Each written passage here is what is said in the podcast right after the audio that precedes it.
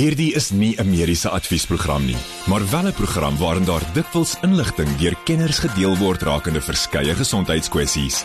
Vir persoonlike raad of advies, raadpleeg jou mediese dokter of sielkundige. Groot trauma op Groot FM 90.5. Sampie, dokter Jaco van Niekerk soos altyd. Uh, Jaco, lekker om jou hier te hê. Goeienaand Pieter, goeienaand almal by die huis. Lekker om hier te wees, ja. Dokter Jaco van Niekerk natuurlik die direkteur van Trauma 24 by Montana Hospitaal, die trauma eenheid daar en ook sy eie praktyk in Montana. Jaco, kyk nou so 'n paar nuus stories wat nuus gemaak het die afgelope week en ek wil 'n bietjie hoor wat is jou opinie daar rondom. Kom ons begin sommer oor die ehm um, meer as 100 leerdlinge. Ja, ja. by die meer as 100 leerdlinge in hospitaal na hulle straatkos eet. So ja, daar's meer as 100 leerdlinge wat in twee skole in die Queenstown area in die, in die Oos-Kaap ehm um, die week in die hospitaal opgeneem is nadat hulle dan nou siek geword het nadat hulle kos wat hulle by die straat ehm um, vendors of straatverkopers ehm um, naby die skool gekoop het en geëet het. Ehm um, dis my eintlik half 'n snaakse artikel want hulle sê daar's leerders van die skole is in die hospitaal opgeneem weens 'n vreemde siekte. Maar in die volgende sinne sê hulle dis buikpyn, naait, braaking en diarree. Dis gastro vir my, né? Ehm um, so aan die einde van die dag ek dink ek die die die storie is eintlik half maklik. Die die kos is uit die aard van die saak ehm um, gekontamineer met bakterieë. Ehm um, sommige van die kinders het hulle dan nou daar gerapporteer het koors gehad. Ehm um, die groot ding is dit is almal kinders tussen die ouderdom van 8 jaar en 15 jaar oud dis by straatverkopers um ge, ge gekoop die kos, dis muffins, dis scones, dis lekkernye, dis dis koeldrankies wat 'n mens dan nou wonder ook of hulle nie dit self aangemaak het nie. En ons sit nou in 'n in die situasie waar ons in die reenseisoen ingaan en ons weet ons almal kry gastro-intestinale infeksies baie meer in die hospitale. Ons sien baie meer pasiënte wat inkom daarmee um in hierdie tyd omdat al die vuil en al die bakterieë en goed eindig in die water en kos en en en en drinkgoed word baie baie maklik gekontamineer deur hierdie bakterieë. En ek dink aan die einde van die dag moet ons almal eintlik maar versigtig wees veral nou in hierdie tyd. Dis maar die tyd waar waar hmm. gastro groot is. En en 'n mens kan redelik elektrolytbalans kry veral in hierdie klein kind of jong kinders jou natrium jou kalium wat dan later hierdie siekte in stand hou en dan vir 'n mens allerlei snaakse ander simptome by kan gee. Hmm. Dan sit 'n vreemde siekte. en dit is ook um, van of die 4 November vier uh Suid-Afrika se gesondheidskalender ook nasionale kindersdag en kinderwelstand. Jaco, jy miskien ook so kan uitsonder nou naas nou hierdie hierdie gastro nê. Miskien ook nog twee ander kindersiektes wat nogal redelik volop is hierdie tyd van die jaar. Wat jy ja, miskien ook sien. Ja, ons sien intendeel die gastro bly nommer 1. Um ons sien nog steeds lugweginfeksies atipiese virusinfeksies um, van die laarligvee bronchiolitisse in die jong kinders, bronkitisse in die kinders wat redelik ernstige gevolge tot of gevolge het in 'n hospitalisasie. En dan 'n ander ding is maar die ou bekende tonsilitis. Jy weet, elke tweede kind het nou weer mangelontsteking. Die vader alleen weet hoekom, maar hulle het hom. Hoor ek het 'n vraag vir jou in vra vir dokter Jaco. Ek wil bietjie by jou hoor later in die program. Weet moet mense nog mangels uithaal en hoekom het hulle mangels uitgehaal in die vroeë dae? Okay. Uh, ons gaan 'n bietjie later daaroor gesels ook. Ehm um, en dan net hierna, ehm um, Jaco, jy's 'n bietjie goeie nuus oor uh, 'n uh, vrou wat ander vroue help met borskanker met breipenne en dan ook Xander Vermeulen se stem of samselreis saam met media spesialiste ons of mediese uh, spesialiste, ekskuus tog ons 'n bietjie daaroor gesels. Onthou dis vra vir Jaco aan die einde van die program as jy ook 'n vraag het soos ek wat na reeds 'n vraag het dat ek graag by Jaco wil hoor. Laat weet van jou 061 610 4576 onthou standaard tariewe geld. Groot trauma met Pieter Kloete en dokter Jaco van die Kerk op Groot FM 90.5. Ons kyk dan nog na so 'n paar stories wat nuus gemaak het en ek hoor 'n bietjie wat as dokter Jaco van die Kerk se opinie daar rondom. Jaco vertel ons 'n bietjie oor die stamselreis van Zander Vermeulen. Ja, Zander Vermeulen is so 10 jaar oud en in ehm um, November 2020 het hy uh, 'n uh, besering opgedoen waar hy dan 'n oop fraktuur van sy linkerarm opgedoen het. Ehm um, en hy's nou 3 operasies verder ehm um, en 'n veloorplanting en die wond wil net nie genees nie. Nou dis een van die daai nagmerries wat enige iemand um wat ooit met trauma werk nooit wil hê nie is non-hegting van bene, oop frakture wat septies raak, vel wat doodgaan, vel wat moet oorgeplant word en velvlappe wat gedoen moet word. want dan raak die behandeling net al hoe meer en meer kompleks en en op 10 jarige ouderdom is dit regtig nogal groot ingrepe maar aan die einde van die dag wil sy sy been nie heg nie, sy wonde wil nie genees nie en sy ouers het dan nou 10 jaar terug toe hy gebore is, sy stamselle laat ehm um, krieu save of of of bevries en ehm um, tans word stamselle gebruik in meer as 80 van bekende siektes wat aktief behandel word daarmee. Die res van die siektes is nog baie uh, kontroversieel en en eksperimenteel, maar hulle dan nou 'n span ehm um, spesialiste genader onder ehm um, die leiding van Dr. Dion Weyers wat 'n plasties en rekonstruktiewe chirurg is in Johannesburg. Ehm um, en wat die verdere operasies en prosedures op Zan, uh, Zander se arm sal uitvoer. Ehm um, maar hulle gaan dan nou poog om met hierdie stamselle wat dan nou gestoor is, ehm um, te probeer om weefsel te regenereer om en en en groeifaktore daar te stel sodat Zander se arm dan kan aangroei en dan dat hy funksioneel weer kan raak. Dis 'n hele reeks van mense wat betrokke is, jy weet, van die uit die aard van die saak, die chirurg, die narkotiseer, ehm um, die arbeidsterapeut wat die handterapie en en en spelterapie gaan moet doen, ehm um, die fisioterapeute wat gaan moet help met rehabilitasie. Ehm um, daar's mense wat dan met die hele mobilisering van hom na die operasie gaan werk. Ehm um, en dan uit die aard van die saak, die die cryo save ehm um, stamselle wat dan ook ook 'n klomp spesialiste het wat agter dit sit. So dis 'n ongelooflike dink ek reis en ek dink is 'n ding wat mense moet moet naspeur en en gaan kyk wat is Zander se uitkoms want dit is regtig dink ek een van die van die goeie uitkomste wat 'n mens kan kry potensieel met stamselle en is dit deel word van die van die planne wat mens kan maak vir hierdie uiters uiters moeilike komplikasie van van oop beenbreuke dan um, dink ek gaan dit regtig waar 'n stap wees vir Suid-Afrika sou hmm. dink ek al klaar want dit word nie oral al gedoen dink ek nie um, om 'n goeie goeie um, naam weer te kry in die mediese wêreld ten opsigte van hierdie innoverende tipe van behandelings. Nou okay, dan eh, is 'n bietjie van 'n goeie nuus storie. Ehm um, daar's 'n vrou wat ander vroue help met borskanker en sy trek die breipenne nader. Ja, dis 'n klomp vroue wat dan nou ehm um, hierdie solidariteit help in hand en boesemvriendinne wat dan nou ehm um, 2800 pare borsproteses ehm um, beskikbaar gestel het. Hulle het dit dan uh, uitgereik of uh, aan die Centurion Kankervereniging geskenk en oorhandig. En dis 'n dis 'n hele ehm um, projek wat al eintlik in 2021 van stapel gestuur is en sedert 2021 is daar al meer as 7000 vroue wat baat gevind het by hierdie gebreide en gehekelde proteses. Nou almal dink dis dalk minder waardig teenoor die ander. Maar as mens gaan kyk, hulle sê ook dis goeie kwaliteit, dis lig. Um dit kan onder in 'n gewone bra gedra word. Dis sag. Dit kan asemhaal en dis met 100% katoen gemaak en dit maak nie hitte uitslag nie. Um in in verhouding met die die minder bekostigbare silikoon eksterne proteses, ons praat nie van borsimplantasies nie. Maar die eksterne silikoon proteses is is warm en dis baie duur uit die aard van die saak en dit kan nogal swaar wees en mense sweet onder dit en as jy sweet onder 'n onder 'n kunsmatige of 'n silikoonagtige produk dan kan 'n mens baie keer hitte uitslag en sekondêre bakterieële infeksies en swaminfeksies kry waar hierdie mense dan geopereer is. 'n Groot persentasie veral in ons land um, van mense het nie die geld na hulle mastektomie en of een of ander borschirurgie gehad het om rekonstruksie te kan bekostig nie.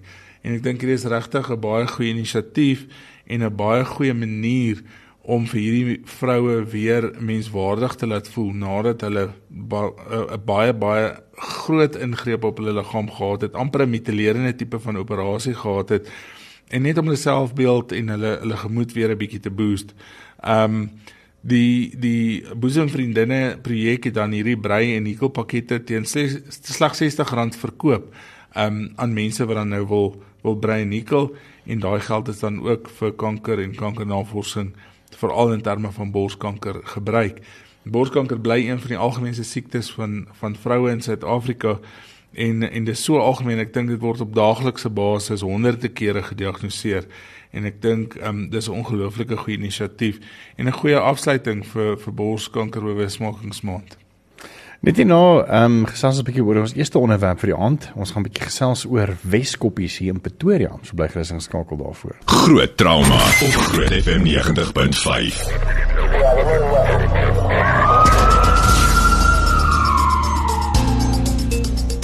Welkom terug is Groot Trauma. Ek is Pieter Kloete saam met Dr. Jaco van Niekerk en uh, ons gesels 'n bietjie oor ehm um, Weskoppies en ons gaan nou by daai storie uitkom. Onthou as jy enige vrae het vir Dr. Jaco van die kerk aan die einde van die program gaan hy 'n bietjie vir ons daai vrae beantwoord. So stuur jou vraag na 061 610 4576 onthou standaard tariewe geld. En ons 'n bietjie later gaan ons ook 'n bietjie gesels oor akute en kroniese siektes. Wat is die verskil? en so meer.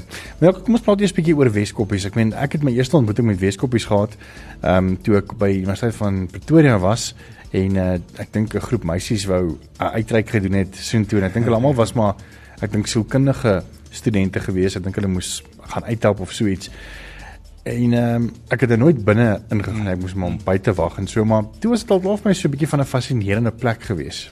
Ja, en ek dink is vir baie mense 'n vreesaanjaende plek. Ek dink almal wat wat medisyne ook geswat het, um, voorgraad selfs, want jy het tot op 6 jaar vlak psigiatrie as vak As jy in Pretoria gesit het, het jy by Weskoppies um psigiatriese hospitaal gewerk en ingewoon vir maande aan een. En as jy in Bloemfontein was, het jy by Oranje Hospitaal dit gedoen. Ek was in Oranje Hospitaal en dit is net so 'n vreesaanjaende plek. Um ek dink dis omdat ons so min van psigiatriese siektes of geestesgesondheidssiektes um verstaan en en en besef waartoe die mense gaan. Ek dink daar's so stigma aan aan geestesgesondheids of geestesabnormaliteite en geestes um siektes en sindrome dat um mense wil nie daaroor praat nie en is alles so agter toe deure. Um jy dink aan jy weet die ou term van malhuis en dis alles behalwe dit. Um ek dink baie mense was net oningelig. Um maar dis 'n baie moeilike plek dink ek ook om in te werk en ek dink regtig waar Um dis 'n baie unieke plek en dis hoekom normale hospitale nie geestesiektes opneem nie is omdat hulle nie reg ingerig is daarvoor nie.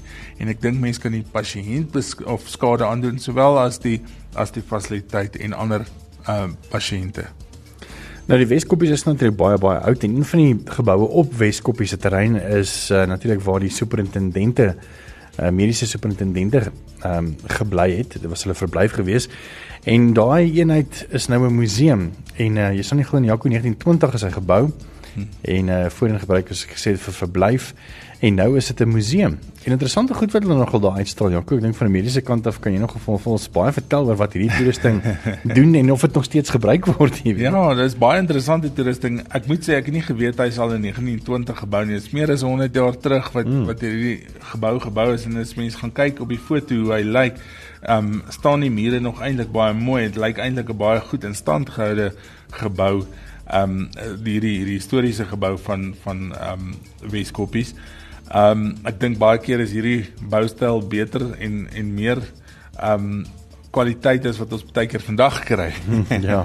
Ehm um, maar die die goed wat daar binne is is uit die aard van die saak deels om mense op te voed om wanopvattinge en vooropgestelde idees weg te kry maar ook om begrip en deernis en empatie by mense te te vestig. En ek dink dit is 'n baie goeie inisiatief van die departement van gesondheid om wel so 'n uh, 'n uh, museum op te rig. Um as mens gaan kyk, daar's boeye en daar's hierdie wat die ou mense praat van of die Engelse praat van 'n straight jacket waar jy letterlik dit lyk soos 'n laken wat om jou vasgebind of gedraai word en dan word jy met leerbande vasgemaak dat jy nêrens heen kan gaan nie. Um al hierdie restraining prosedures wat mense um, moes ondergaan. En ek dink 'n groot deel is deels het die mens of die die persone wat hulle behandel het gedink, um, hulle beskerm hulle self, um die die werkers, as ook die pasiënt teen homself, um om homself en haarself nie te beseer nie. Maar dit het regtig waar um gelei dan tot die verdere stigmatisering dink ek van hierdie siektes. Um 'n ander ding wat mense dan daar sien is jou ou elektrokonvulsiewe terapie of EKB is wat die mense van gepraat het is waar hulle elektrodes op jou kop gesit het en dan um elektriese stroom daardeur gestuur het waar dan jy of sekere dele van die brein dan eintlik skok en mense het dan sekere gedeeltes wat hulle nie nie kan onthou nie. Dit word vir major depressie gebruik um, op 'n stadium. En ek weet daar's daar daar bestaan nog die term EKB of elektrokonvulsiewe terapie en dit is nog 'n terapeutiese modaliteit, maar dis 'n baie meer gereguleerde ding as daai tyd. Ek dink daar was ook nie genoeg medisyne en goed genoeg ontwikkelde medisyne om jou gewone goed so skizofrenie, ehm um, depressie, bipolariteit, ehm um, te behandel nie. En en mense was bang vir skizofrenie. As jy paranoïde skizofreen of 'n katatoniese skizofreen gesien het, dan um, was jy skrikkerig. Ek weet ek was 'n 5de, 6de jaar mediese student en dan was jy maar skrikkerig om alleen daar te wees. Jy weet jy het altyd maar een van die van die van die ehm um, psigiatriese verpleegpersoneel saam met jou gehad. Ehm um, want jy weet nooit. Ehm um, en ek dink is dis dis onkunde. Dis regtig waar onkunde. Ehm um, en ek dink hierdie gaan regtig waar 'n groot verskil maak um, om om daai bewusmaking reg te kry. Dis ook die begin um van van 'n van 'n nuwe era vir die departement gesondheid. Hulle um beoog dan um tans in die provinsie so 1896 beddens vir akute geestesgesondheid wat heeltemal te min is. Um en ons sien dit in privaat praktyk ook. Mense met major depressie, hoë selfmoordrisiko, bipolariteit, al hierdie gewone siektes wat so algemeen um teenwoordig is in ons omgewing en samelewing wat jy nie kan opneem in 'n in 'n hospitaal of 'n fasiliteit wat hulle kan kan help nie omdat daar net dood eenvoudig nie beddens is nie.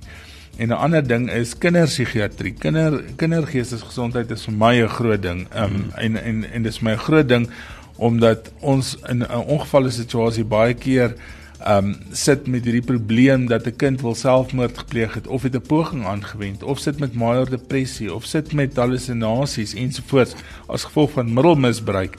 En jy kan niks met daai kind doen jy moet daai kind basies oppas by jou um totdat weer beter gaan en op 'n buitepasiënt basis hanteer. Dis baie baie moeilik. Daar's bitter min fasiliteite wat kinders onder 16 inneem Ehm um, en ek dink dit is regtig waar 'n goeie inisiatief vir die vir die departement gesondheid om dan nou hulle self uit te brei en meer geestesgesondheidsentrums daar te stel. Ehm um, en hulle hulle het 'n hoë doelwit, maar ek dink dit is dis aan dis bereikbaar.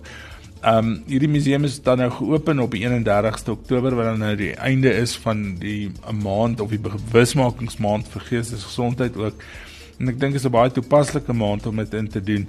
En ek dink 'n mens moet menself die guns doen om wel Weskoppies te gaan besoek en hmm. te gaan kyk hoe werk hierdie goed en hoe het dit gelyk en hoe ver het medisyne al gekom en hoe effektief het medisyne um, al al geraak in die behandeling van hierdie siektes. Daar's baie mense wat daar buite rondloop met ernstige geestes siektes en geestesongesteldhede um wat met die toepaslike behandeling en dan uit die aard van die saak die bly by die behandeling um en nie die die die onderbreking van behandeling nie baie goed doen en funksionerende uh, mense is daar buite wat 'n bydrae lewer in die samelewing. So mense kan ook nie sê mense wat geestesongesteldhede het, dit nie 'n bydrae tot die samelewing nie want hulle funksioneer nie optimaal nie. Um daar's regtig waar ongelooflike vooruitgang gemaak in hierdie hierdie gebied van medisyne en ek dink definitief hierdie mense um verdien 'n kans ook in die lewe. Net nog ons 'n bietjie gesels oor akute en uh kroniese siektes. So bly gerus ingeskakel daarvoor. Ek dink een van die vrae wat Jaco gaan gaan beantwoord is kan 'n mens akute en kroniese siekte op dieselfde aard op dieselfde tyd hê? Bly ingeskakel om te hoor. Met die volgende program bo Groot FM 90.5 om jou as luisteraar met die nodige inligting oor 'n spesifieke onderwerp te voorsien. Alhoewel hierdie inligting dikwels deur 'n kenner op die gebied gedeel word, word jy aangemoedig om jou mediese dokter of sielkundige te besoek vir persoonlike advies of raad. Groot trauma met Pieter Kloete en dokter Jaco van die Kerk op Groot FM 90.5. Ons gesels 'n bietjie oor akute en kroniese siektes en Jaco, miskien moet jy dalk vir my inlig vir hierdie leek. Wat is akute siekte en wat is 'n kroniese? Ek weet kronies weet mense verstaan dit ek dink dis lang langtermyn. Nee, ja. Die groot ding is ek dink baie mense hoor ons praat van akute tonsilitis of akute tonsillofaringitis of akute bronkietis en dan dink hulle ja, ek is nou vrek siek, jy weet. Um en en akuut beteken dit glad nie enigsins 'n konnotasie op die graad van siekte nie. Wow. So want akut klink eintlik half asof dit baie ernstig. Jy ja, het 'n akute ding, jy het so Dis nou erg. Jy ja. gaan dis nou lewe of dood, jy weet, maar dis dis nie heeltemal die geval nie. So akute siektes is eintlik maar 'n um, groep siektes wat 'n uh, vinnige aankoms het wat 'n kort durasie of 'n kort duur het en dan gekwantifiseer kan word en dan ehm um, jy kry ook akute siektes wat klink soos 'n kroniese siekte maar wat eintlik nie is nie soos akute leukemie.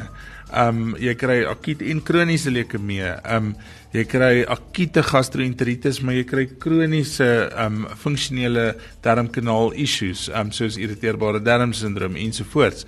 Ehm um, as mens gaan kyk na kroniese siektes is dit eintlik maar siektes wat ehm um, oor 'n oor 'n tydperk aankom, kom gewoonlik oor meer as 3 maande aan en daar kyk 'n mens goed soos na diabetes, funksionele gastrointestinale siektes, ekseem, artritis, asmas. Ons het altyd gepraat van van emfyseem, maar ons praat nie meer regtig daarvan nie, ons praat meer van kroniese obstruktiewe lugweegsiekte wat die ouer mense as kroniese bronkietis, die dokter het gesê ek het kroniese bronkietis. Ehm um, daar is 'n term kroniese bronkietis, maar die kroniese bronkietis is net akute bronkietis wat langer as 6 weke is. Maar die kroniese bronkietis van emfyseem of kroniese obstruktiewe lugweegsiekte is vir die res van tyd. En dit moet 'n mens gaan gaan onthou. Goeie soos ehm um, sekere virus siektes kan kronies raak. Ehm um, mens kan 'n draer word van daai virus soos byvoorbeeld hepatitis B, hepatitis C wat dan vir mense kroniese draerstaat en dan siekte gee. Um HIV is is, is oorspronklik geklassifiseer as 'n terminale siekte, nou word dit ook gesien as 'n as 'n kroniese siekte. So wat interessant maak is die Wêreldgesondheidsorganisasie het dan ook um dan gesê daar's groepe van van siektes en hulle het gesê die vier major of hoofgroepe is dan die kankers is 'n kroon word gesien as kroniese siektes, die kardiovaskulêre siektes soos jou gewone beroertes, hartaanvalle en dan iskemiese hartsiekte. En dan jou diabetes is is die ander ene en dan kroniese lugweegsiektes, jou kroniese asma en dan hierdie kroniese obstruktiewe lugweegsiektes. Van jou ander kroniese siektes neurologies, goed soos Alzheimer se siekte, jy kry mense met uh, uit die aard van die saak se aangebore siektes het, dis ook kroniese siektes.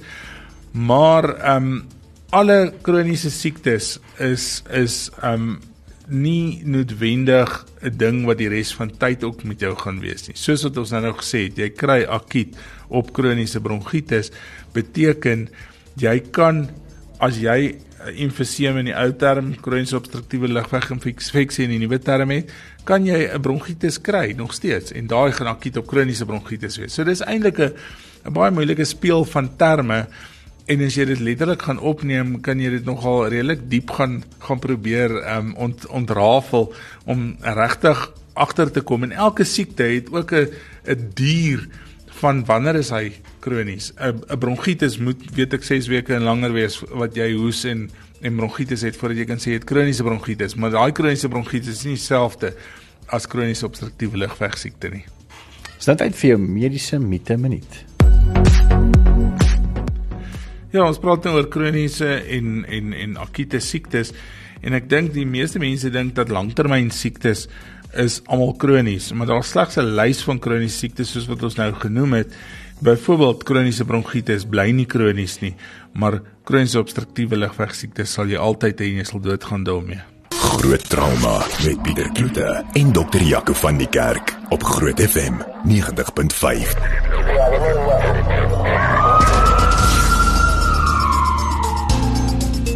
Praat 'n bietjie oor akute en kroniese siektes en wat is die verskil? Jaco het nou reeds vir ons gesê wat is die verskil tussen akute en kronies?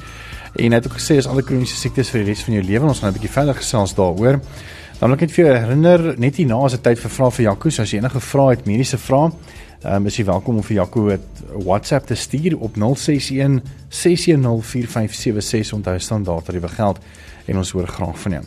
Ja, het net vir die breek net gesê dat kroniese siektes ek ek het regtig gedink ek was onder die indruk dat kroniese siektes dit dit bly by jou tot jy doodgaan, maar daar is sekere kroniese siektes wat nie vir die res van jou lewe hou nie byvoorbeeld. Ja, jy weet, ehm um, diabetes word as 'n kroniese siekte gesien, maar as jy byvoorbeeld tipe 2 diabetes het en jy het 'n goeie oefenprogram en jy het um gewigsverlies en jy eet reg, jy die eet is reg. Um kan jy letterlik jouself eintlik uit daai diabetes uit leef hmm. en en en jouself behandel uit die diabetes uit. Kroniese bronkietis is die ander een. Is jy jy kan vir 3 tot of 6 weke tot 3 maande hoes. Um en en en bronkietis hê, maar jy kan nog steeds daarvan herstel. As jy aan die ander kant iets soos um 'n kroniese obstruktiewe lugweegsiekte het wat dan eintlik die hoofoorsaak daarvan is maar rook en rookblootstelling en eintlik enige koolstofafbraakproduk van verbranding wat jy inasem kan vir jou hierdie toestand gee, daai is is is die is vir die res van jou lewe. So mense moet nooit sê as jy vir iemand sê jy het kroniese bronkietis byvoorbeeld beteken dit nie noodwendig dat jy dieselfde het as iemand wat kroniese obstruktiewe lugweegsiekte of emfyseem het nie. Alhoewel dit in die verlede en dit is die slegting daarvan, daar so baie terme in die verlede verkeerd gebruik en dit word steeds verkeerd gebruik dat jy sal iemand sien wat op die eindstadium is van kroniese obstruktiewe lugweegsiekte. Hulle is al blou, hulle borste lyk al soos borskaste lyk al soos 'n faadjie hulle um, is regtig waar op hulle eindstadium siekte. En dan gaan hulle vir jou sê um, as jy vra mevrou of meneer um, wat se kroniese siektes ly aan dan sê nee die dokter het sê kroniese bronkietis jy weet daai daai ding. En en daar's waarskynlik nog steeds sulke terminologie wat daar buite rondhardloop en dis dis regtig waar baie keer verwarrend vir mense ook. Wat is die verskil tussen die twee? Um, ander goeie soos asma en hipertensie familiele hiperkolesterolemie. Ek meen jy kan jouself nou uit die aard van die saak en cholesterol eet ook, nê. Nee. Maar maar familiele hiperkolesterolemie, daai gaan maar vir res van jou lewe by jou wees en en gewoonlik meeste kroniese siektes behandel jy nie om gesond te maak nie. Jy beheer dit en jy onderdruk dit want jy kan nie dit eh, gewoonlik van daai kroniese siektes gesond maak nie. Jy kan net die progressie en die potensiële komplikasies verbeter maar jy gaan nie noodwendig 'n verskil maak aan die aan die siekteproses as sulks nie. Waar akute siektes gaan jy definitief 'n verskil maak in die siekteproses en die verloop van die siekteproses. Net om af te sluit, Jaco, ehm um, mediese fondse, ek meen ek weet as al byvoorbeeld ehm um, mediese of of uh uh tablette mm. of uh, medikasie aangebied word vir kroniese siektes. Mm. Hoe werk die proses ehm um, is dit die dokter wat aansoek moet doen dat dat dit met kronies gaan of is dit die pasiënt wat dan met, met hulle medies moet gaan praat en sê hulle moet die vorms invul of hoe werk die proses om kroniese siektes deur die mediese fonds te laat gaan? Ja, dit word eintlik al 'n moeilike proses, veral met die met die poppy wetgewing. Um gewoonlik in in my praktyk hoe ek dit doen is ek sal vir die mense dan nou na die diagnose gemaak is en die behandeling um voorgeskryf is sê kom ons doen hierdie behandeling vir 'n maand ons kyk het jy neeweffekte? Hoe effektief werk dit? Want dit help ook nie jy drink 'n ding en dit geen effek nie. Um het jy neeweffekte? Um en en as dit dan nou goed werk het jy neeweffekte nie en ons sien alles uh, lyk asof dit onder beheer is dan vul ek vir jou vorm in of 'n kontak die fonds namens jou maar jy moet toestemming gee daarvoor. Um ek kan nie sommer net namens jou goed gaan doen sonder dat jy weet daarvan of toestemming gee nie. Baie van die fondse, die groter fondse, het byvoorbeeld 'n applikasie op die op die ehm um, tablette ensovoorts waar jy kan aansoek doen en pasiënte kan self aansoek doen. En dis waar die moeilikheid vandaan kom ehm um, want fondse voel dat die kontrak is tussen die pasiënt en die fonds en nie die pasiënt en die diensverskaffer nie. En ek's net 'n diensverskaffer vir 'n vir 'n mediese fonds. So baie keer as daar 'n 'n navraag is of iets wat jy betwis, dan wil hulle nie noodwendig met jou die kommunikasie of die redenasie en hulle wil met die pasiënt praat. Um of hulle wil met die pasiënt korrespondeer. En dit maak dit baie moeilik want hulle vra baie keer ook dan nou vra vir hierdie pasiënt wat nie hulle nie regtig weet nie. Hmm. Um aan die ander kant is ek nie deeltyd gaan korrespondeer met die fondse dink ek gaan ek voltyds dit doen. Ja. Um so dis 'n baie moeilike ding. So wat dit makliker maak is baie van die fondse is baie mooi gestruktureer in terme van as jy 'n vorm invul gewoonlik op bladsy 1 of 2 dan teken die pasiënt toestemming dat jy die res kan invul. Jy vul dan ook vir elke liewe siekteproses, het sy hipertensie, kroniese niersiekte, ehm um, hipotireose of skildklierprobleme, ehm um, cholesterolprobleme, daai klas van ding, vul jy 'n afdeling in waar hulle dan nou voel elke fonds het sy eie riglyne vir wat is toelatingskriteria tot sekere medikasies. Nou meeste fondse werk maar op dieselfde lys van kroniese siektes, dis maar die siektes wat die wat die Wêreldgesondheidsorganisasie ook as kronies sien. Ehm um, en dan wat dit moeilik maak in ons land is ons is beperk ook dat baie fondse vir jou op formulêre laat medisyne voorskryf. So jy kan nie net voorskryf wat jy wil nie. En dit kap ons hande tot 'n mate af want 'n mens wil graag die beste gee wat jy vir daai pasiënt kan gee en baie keer is daar nuwe medikasie op die mark of nuwer medikasie op die mark met potensiële beter effek, minder neeweffek profiel, maar dit is nog duur omdat daar nog nie generiese variante um, beskikbaar is nie en die fondse keer daai medikasies af of met massiewe bybetalings sal dit goedgekeur word. En dan verstaan die pasiënt nie altyd hoekom hierdie ehm um, bybetalings gedoen moet word of hoekom dit nou afkeer nie. Ek het mos nou hoë bloeddruk al langer as 5 jaar en nou het ons net 'n nuwe pilletjie bygesit, maar dis die groot probleem. So ek dink die die is, uh, om jou om jou eintlike vraag te antwoord, waar is die die verantwoordelikheid? Dink ek sit dit beide by die dokter en by die pasiënt. Ehm um, maar dit moet 'n 50-50% eintlik vennootskap wees tussen die twee want die een kan nie dit doen sonder die ander nie. En ek dink mense moet daar mooi saamwerk en met mekaar praat ook oor wat is die voordele dalk van 'n R50 bybetaling vir 'n baie beter produk met baie minder neeweffekte en 'n beter kwaliteit lewe as um as as byvoorbeeld um die nie die geval is nie. Net die naaste tyd vir vrae vir Jaco, baie dankie vir die vrae wat jy gestuur het.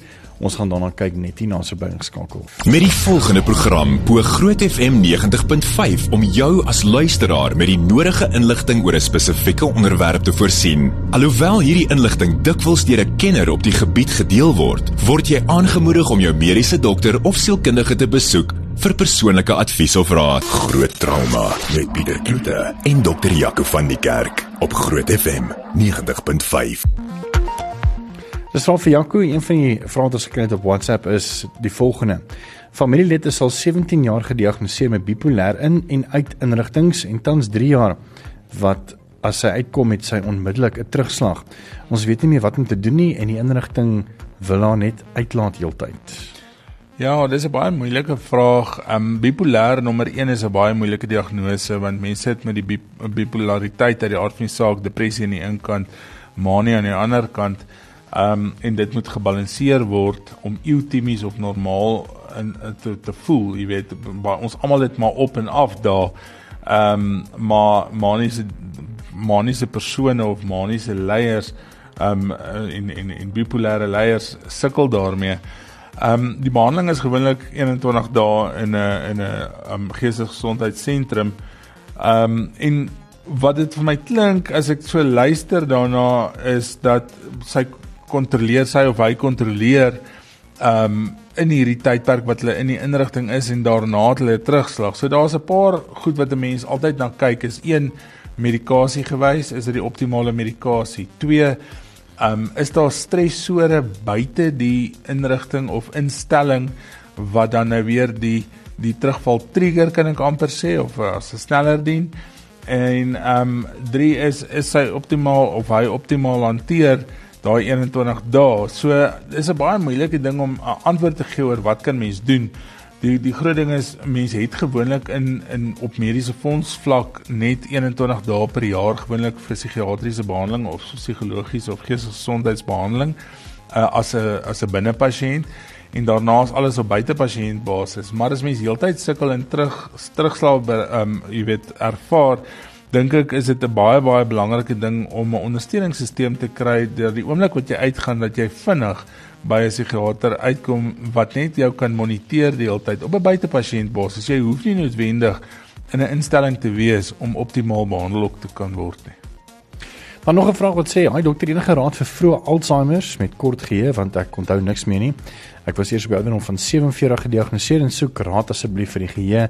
Ek soek 'n epilepsie leier en 43 of 45 jaar oud en kry nog aanvalle. Asseblief help.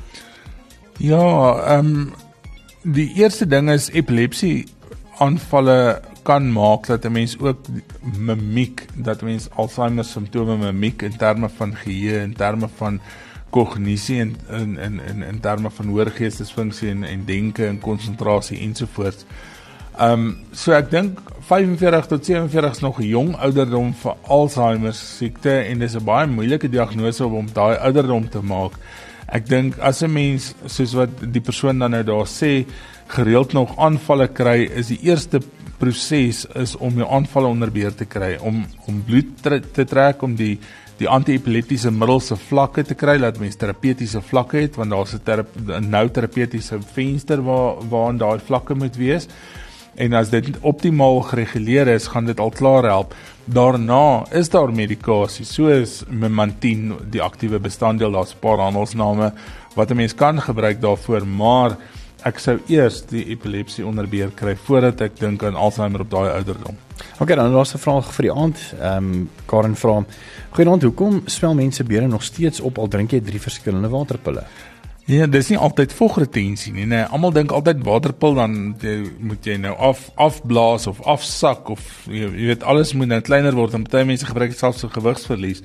Maar mense moet gaan kyk wat is jou hartfunksie? Ja, baie keer doen ons maar die proBNP en ons praat van kongestiewe hartversaking. Jy moet gaan kyk na nierfunksie. Jy moet gaan kyk na jou elektrolyte en die samestelling van jou elektrolyte, jou natrium, kalium, kalsium, magnesium, fosfaat en jou aniongaping en jy moet ook jou lewerfunksie gaan check want ehm um, baie keer het mense 'n proteïentekort. Ons toets albumin en met 'n verlaagde albumin vlak ons sien dit baie in ICU waar mense lank in ICU opgeneem word waar hulle ook swel. En dan die laaste en ek dink die mees algemeenste oorsaak is geneesmiddels. Baie hoë bloeddrukpille kan ook ehm um, swelling van die bene veroorsaak, veral die groep bloeddrukpille wat die kalsiumkanaalblokkers genoem word. Daar's 'n klein huisie vol van hulle amper, kan ek sê ehm um, naam gewys, maar ehm um, die kalsiumknalblokkers is geneig daartoe en as mens dan van verander van klas van bloeddrukpil, dan gaan dit met jou beter. Ja, dis dit vir groot trauma vanaand. Dr. Jaco van die kerk, baie dankie Jaco vir jou tyd weer eens vanaand. Dankie Pieter. En ons is volgende week Woensdag weer terug met groot trauma. Groot trauma met Pieter Kloete en Dr. Jaco van die kerk op Groot FM 90.5.